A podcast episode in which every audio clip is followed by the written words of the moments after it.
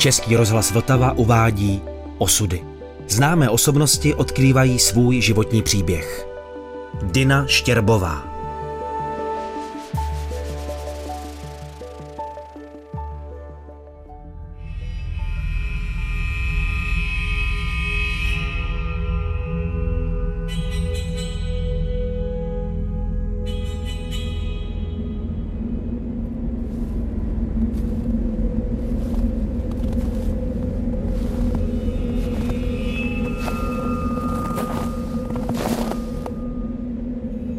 roce 1984 jsem společně s Čechoameričankou Věrou Komárkovou zdolala 8201 metrů vysokou nepálskou horu.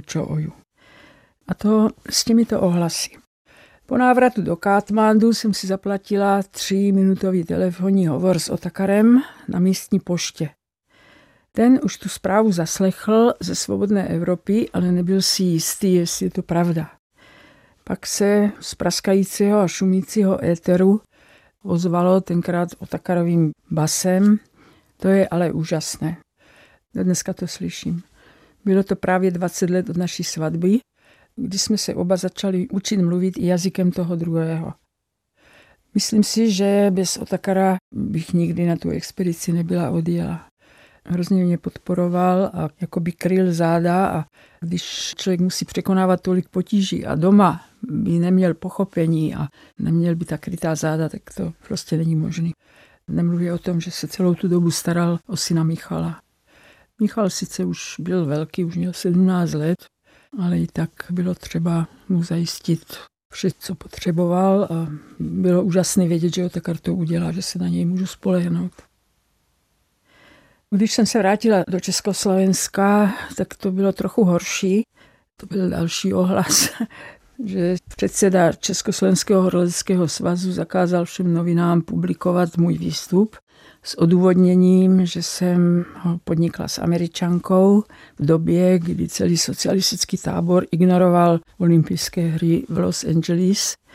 No já jsem se ale nevzdala, protože jsem si ten výstup na Čooju ještě chtěla potvrdit nějakým dalším výstupem. A s Věrou jsme se domluvili, že půjdeme na Everest, pokud možno, což se bohužel nestalo, protože Věra porodila druhé dítě a tím její horolezství skončilo. Takže já jsem se následující čtyři roky neměla s kým na nějakou osmitisítovku dostat. Mojí další šanci se stala až košická výprava v roce 88, které jsem se mohla účastnit jako takový platící člen, což jsem udělala, protože jsem mezi tím vydala knížku a jsem na to vlastně věnovala ten honorář. Cestovala jsem tam velmi dobrodružně, jako vždy. Zase vlakem do Taškentu, pak za 50 dolarů z Taškentu do Dili, ale Dili je v Indii, já jsem musela dostat do Pakistánu. A vůbec jsem netušila, že musím projet s bouřeneckým územím Panžábu, kde se tenkrát snažili získat samostatnost Sikové, kteří jsou v tomhle území doma. A jediná moje možnost byla dostat se vlakem z Dili do Islamabadu. Tu košickou expedici vedl syn Ivana Galfiho a musím teda říct, že to nebyl žádný kompetentní vedoucí, a taky moje přítomnost mu nějak nebyla moc milá, takže jsem tam nebyla vůbec vítána. No. Ale já už jsem měla svoje zkušenosti s tou knoflíkovou válkou s režimem a pochopila jsem, že v tomto případě je třeba vytrvat a takzvaně se šprajcnout. No. Ačkoliv samozřejmě následovala hrozná pomsta. Vyhrožovali nám ztrátou zaměstnání, odebráním pasů a tak podobně. A nebýt toho, že vlastně se komunismus hroutil, byl 88. rok, tak by k tomu možná bylo i došlo, ale takhle to skončilo do ztracena. Ani teď se mi o tom nemluví dobře, ale už to beru z jakéhosi nadhledu.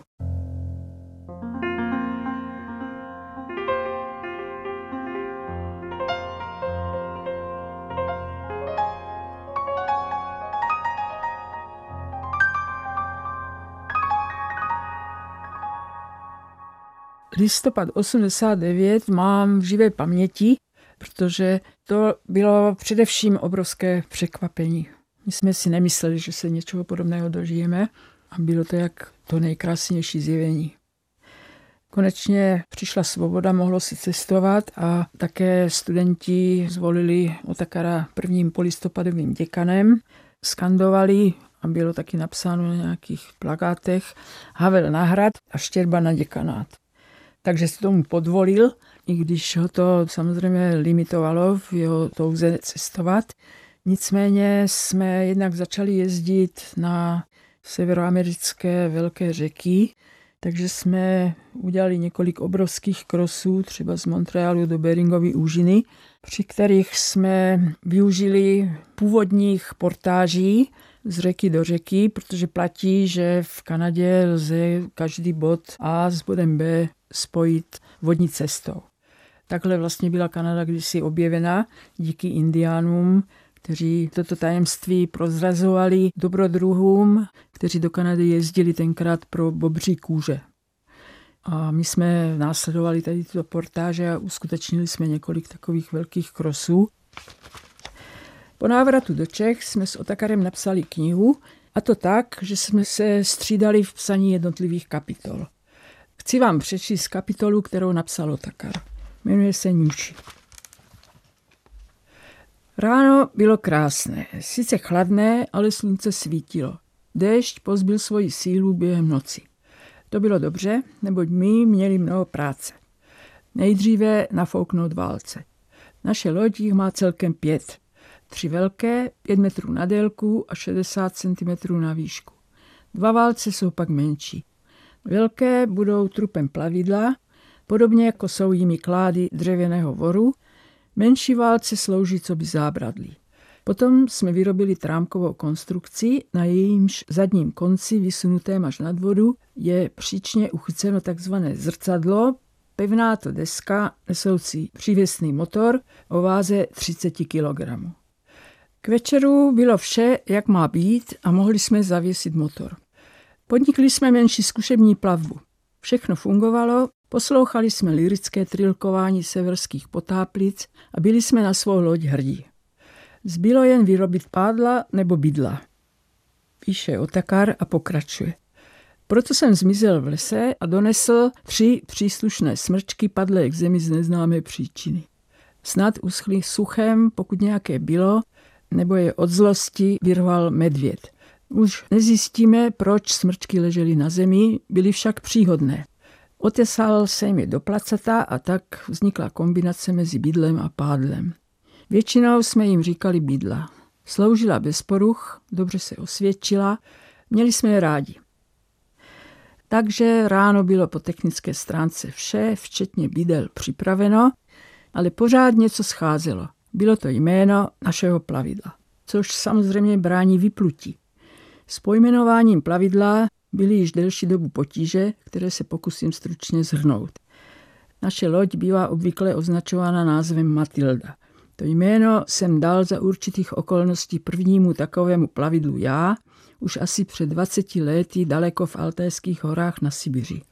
Potom přibyly další Matildy. Matilda 2, 3, 5 a tak dál, co podle mého názoru není možné, zvláště pak i proto, že se jich vyrábí stále víc, neboť jsou to plavidla skvělá, nejlepší. Už doma jsem se rozhodl dát naší lodi jiné jméno a jako velmi vhodné mi připadalo Nuši. Přiznám se, že tak někdy říkává Dina našemu jezevčíkovi, který se jmenuje Hannibal, ale já už dávno tvrdím, že je to nesmysl, protože pořádná ňuší zapáchá trochu benzínem a je také mnohem větší než malý pes.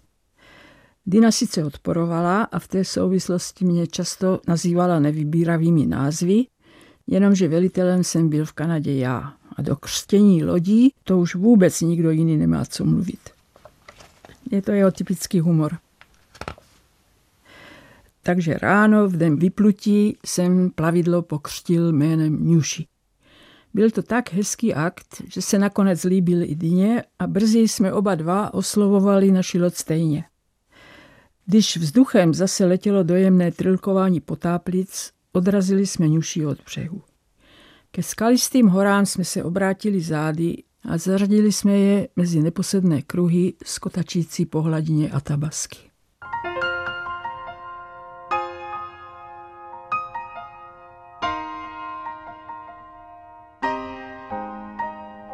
Tak a dál pokračuje tato kniha, která se jmenuje Putování po kanadských řekách. A Otakar podnikl ještě mnoho dalších výprav na které jezdil i sám.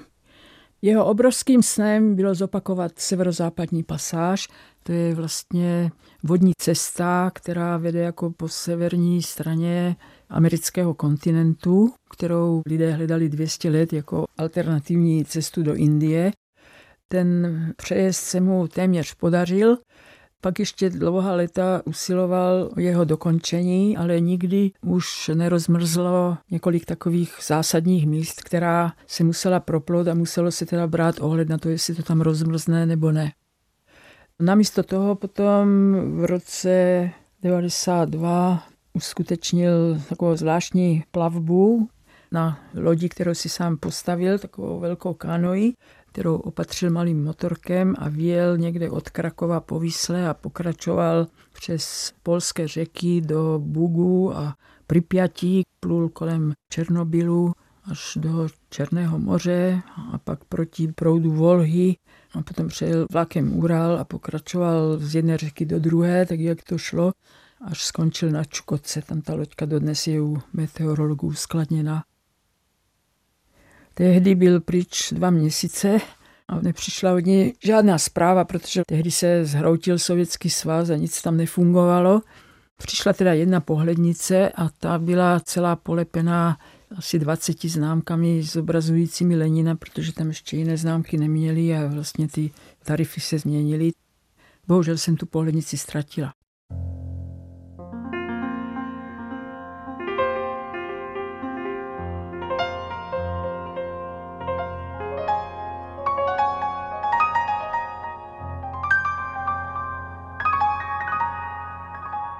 Co se Otakarovi podařilo ještě během normalizace, bylo vyhlášení chráněné krajinné oblasti Litovelské Pomoraví, protože on byl velkým milovníkem řeky Moravy a uvědomoval si, že je třeba zachránit naprosto ojedinělé území té vnitřní delty, která se tady rozkládá od Litovle asi do Olomouce.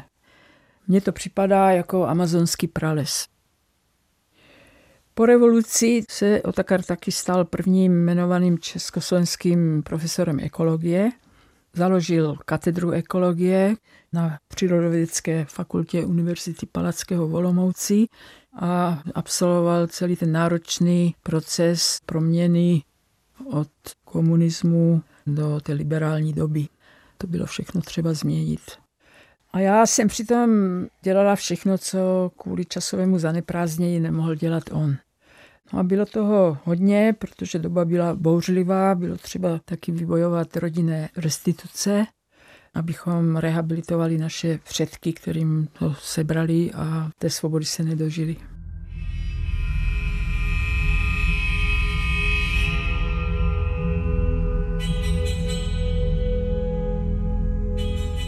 Vybavil se mi moment, když jsme se v roce 84 vraceli s Věrou Komárkovou z Čooju a zastavili jsme se ve vesničce Kunde, kde stojí Hilaryho nemocnice.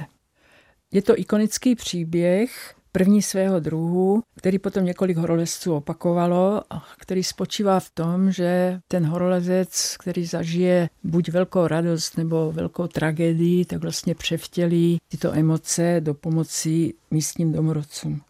U Hilaryho to byl ten jeho obrovský úspěch na Everestu. U některých jiných, třeba Cherry Bremer Kampová, o 30 let později postavila podobnou nemocnici pod Kanchenjungou. Významným je i japonská kyslíková stanice pod Everestem, která zachraňuje spousty životů, protože tam chodí množství neaklimatizovaných lidí a dostávají se tam do stavu akutní horské nemoci, když jim není okamžitě podán kyslík. Tak jim hrozí smrt. Když jsem toto všechno viděla, tak jsem si uvědomovala, že bych ráda nějak k tomu přispěla.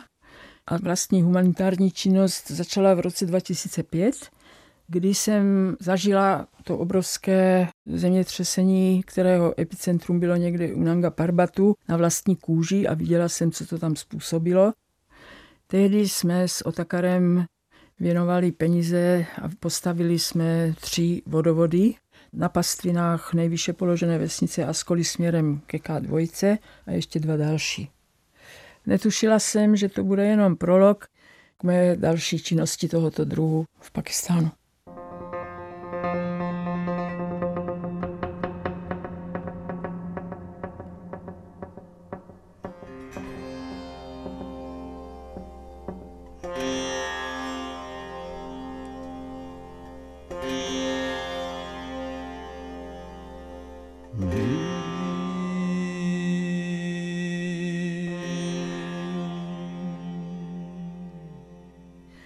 Ze všech náboženství, se kterými jsem měla možnost se seznámit v údolích Himaláje, je mi nejsympatičtější buddhismus, protože na rozdíl od hinduismu hledá skutečně cíleně zmírnění utrpení člověka. To je vlastně hlavní princip budhova učení, kterým je nelpění na věcech světa, což přináší zmírnění utrpení člověka, který se honí za mnoha nesmyslnými věcma.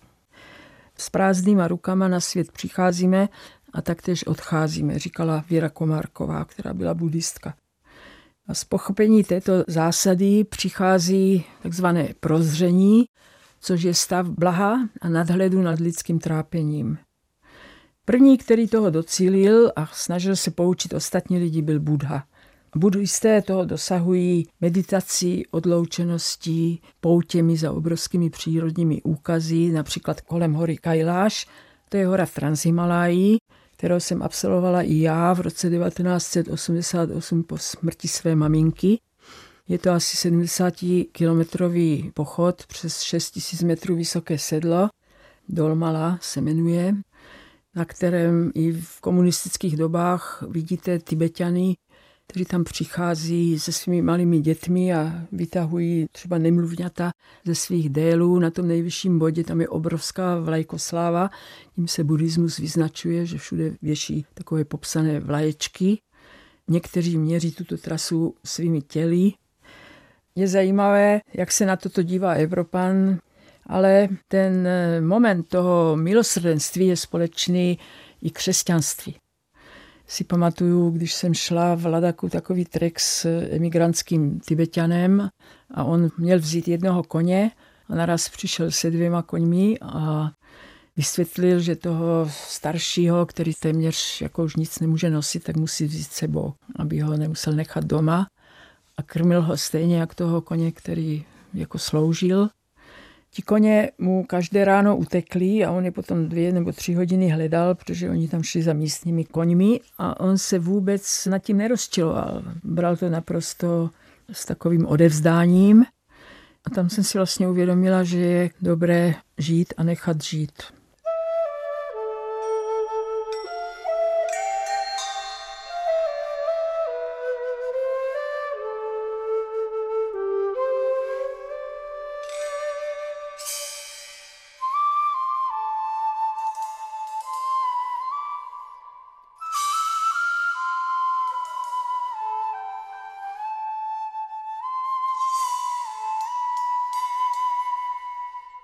Já mám ráda všechna zvířata, protože si nemyslím, že jsou něco méně než lidé. Jsou to naši spolu obyvatele planety, ale obzvlášť ráda mám psy. Není to asi moc divné, protože pes je takový první domestikovaný ještě vlastně v době kamenné. V těch jeskyních se připojil k člověku a jeho povaha se přizpůsobila. A my taky už máme třetího psa, byli to vždy jezevčíci, hrubosrstí. První byl Hannibal, který byl strašně chytrý a takový, hrozně měl rád legraci. Například vždycky vedl celou smečku psů, když tam byla někde hárající fena, tak Hannibal šel v čele před všema chrtama a dobrmanama a podobně. A taky se vyznamenal třeba tím, že ukradl kost Jetimu, což byl klášterní pes a pso Vandy Rudkevičové, která mě navštívila v Olomouci po té, co vylezla Everest. A ona se nestačila divit. Pak jsme měli psa, který utrpěl úraz páteře a od osmi let svého života byl ještě osm let handicapovaný. Byl to skutečný hrdina, Jeffik, strašně kamarádský. Moc jsme ho milovali, nenechali jsme ho po operaci, kde nám všichni říkali, že ho máme utratit tak jsme to neučinili a starali jsme se o něj. Byla to teda obrovská oběť, protože on rok vůbec nechodil, plazil se a my jsme ho pak naučili chodit takovou zvláštní fintou, že jsme ho cvičili v protiproudu vody v Moravě, takže vlastně se zjistilo, že nějak trochu hýbat těmi zadními nožkami umí. Náš poslední současný pes je Bertík, který je takový vítací pes, vrhá se na lidi, skamarádil se s mojí kočkou Morečkem, která tam byla před ním. Chodíme do Pomoraví a do předhůří Jeseníků na procházky, on to miluje. Občas zavraždí nějakého ježka, ale ví, že to nemá dělat, ale bohužel je tak vyšlechtěný, tak mě nezbývá, než mu to odpouštět. Ale zaujaly mě i mnohé příběhy jiných psů, které jsem potkala. Nikdy nezapomenu na nekonečnou výčitku v očích takového malého srbského, jak se říká, podvraťák, takového středního psíka, se kterým jsme strávili několik dní, když jsme havarovali naším Fiatem šestistovkou nedaleko za bulharsko-jugoslávskými hranicemi v roce 66. Tehdy jsme měli rozbité auto, které jsme nakonec rozklepali kamenem a dali do pohybu, takže jsme neměli jako morál ho vzít sebou, ale nezapomenu, jak za námi utíkal a prostě jsem si to nikdy neodpustila. Taky jsem potkala mnoho psů v Nepálu. To jsou psy, které používají nomádí, aby jim pomáhali pást stáda. A ti jsou velice zlí, protože jsou vedení k tomu, od malička je lidé trápí, aby byli zlí. A někdy jsou uvázaní u kolíku jenom na takový metrový řetěz a opravdu je asi nebezpečné se k ním vůbec přiblížit. Jednou jsem byla na treku a vracela jsem se z takových jezer do Katmandu a byl tam úsek džungle a zrovna byl monzun, takže tam bylo milion pijavic. A ke mně se připojil někde naraz takový obrovský pes mastiff, černý a šel se mnou a ty pijavice na něj lezly a měl chudák toho plné packy, tak jsem mu to vytahovala. A tak jsme pokračovali, on zřejmě hodlal se mnou jít až do Katmandu, protože se mu, já už nevím, čím jsem to způsobila, jsem mu asi dala něco k jídlu. No ale potom už bylo třeba že ho vrátit majiteli, tak jsem v nějaké vesnici poprosila lidí, tam jsme ho přivázali a majitel si pak pro něj přišel. Asi jsem musela být některým ze svých předešlých životů psem, když o tom tak přemýšlím.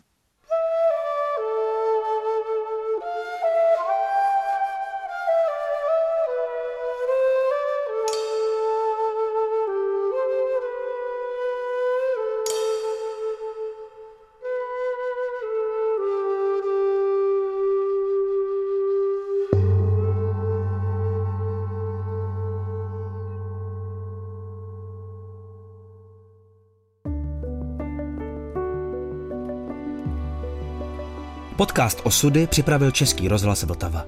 Další části si poslechněte na webu vltava.rozhlas.cz, v aplikaci Můj rozhlas a ve vašich podcastových platformách.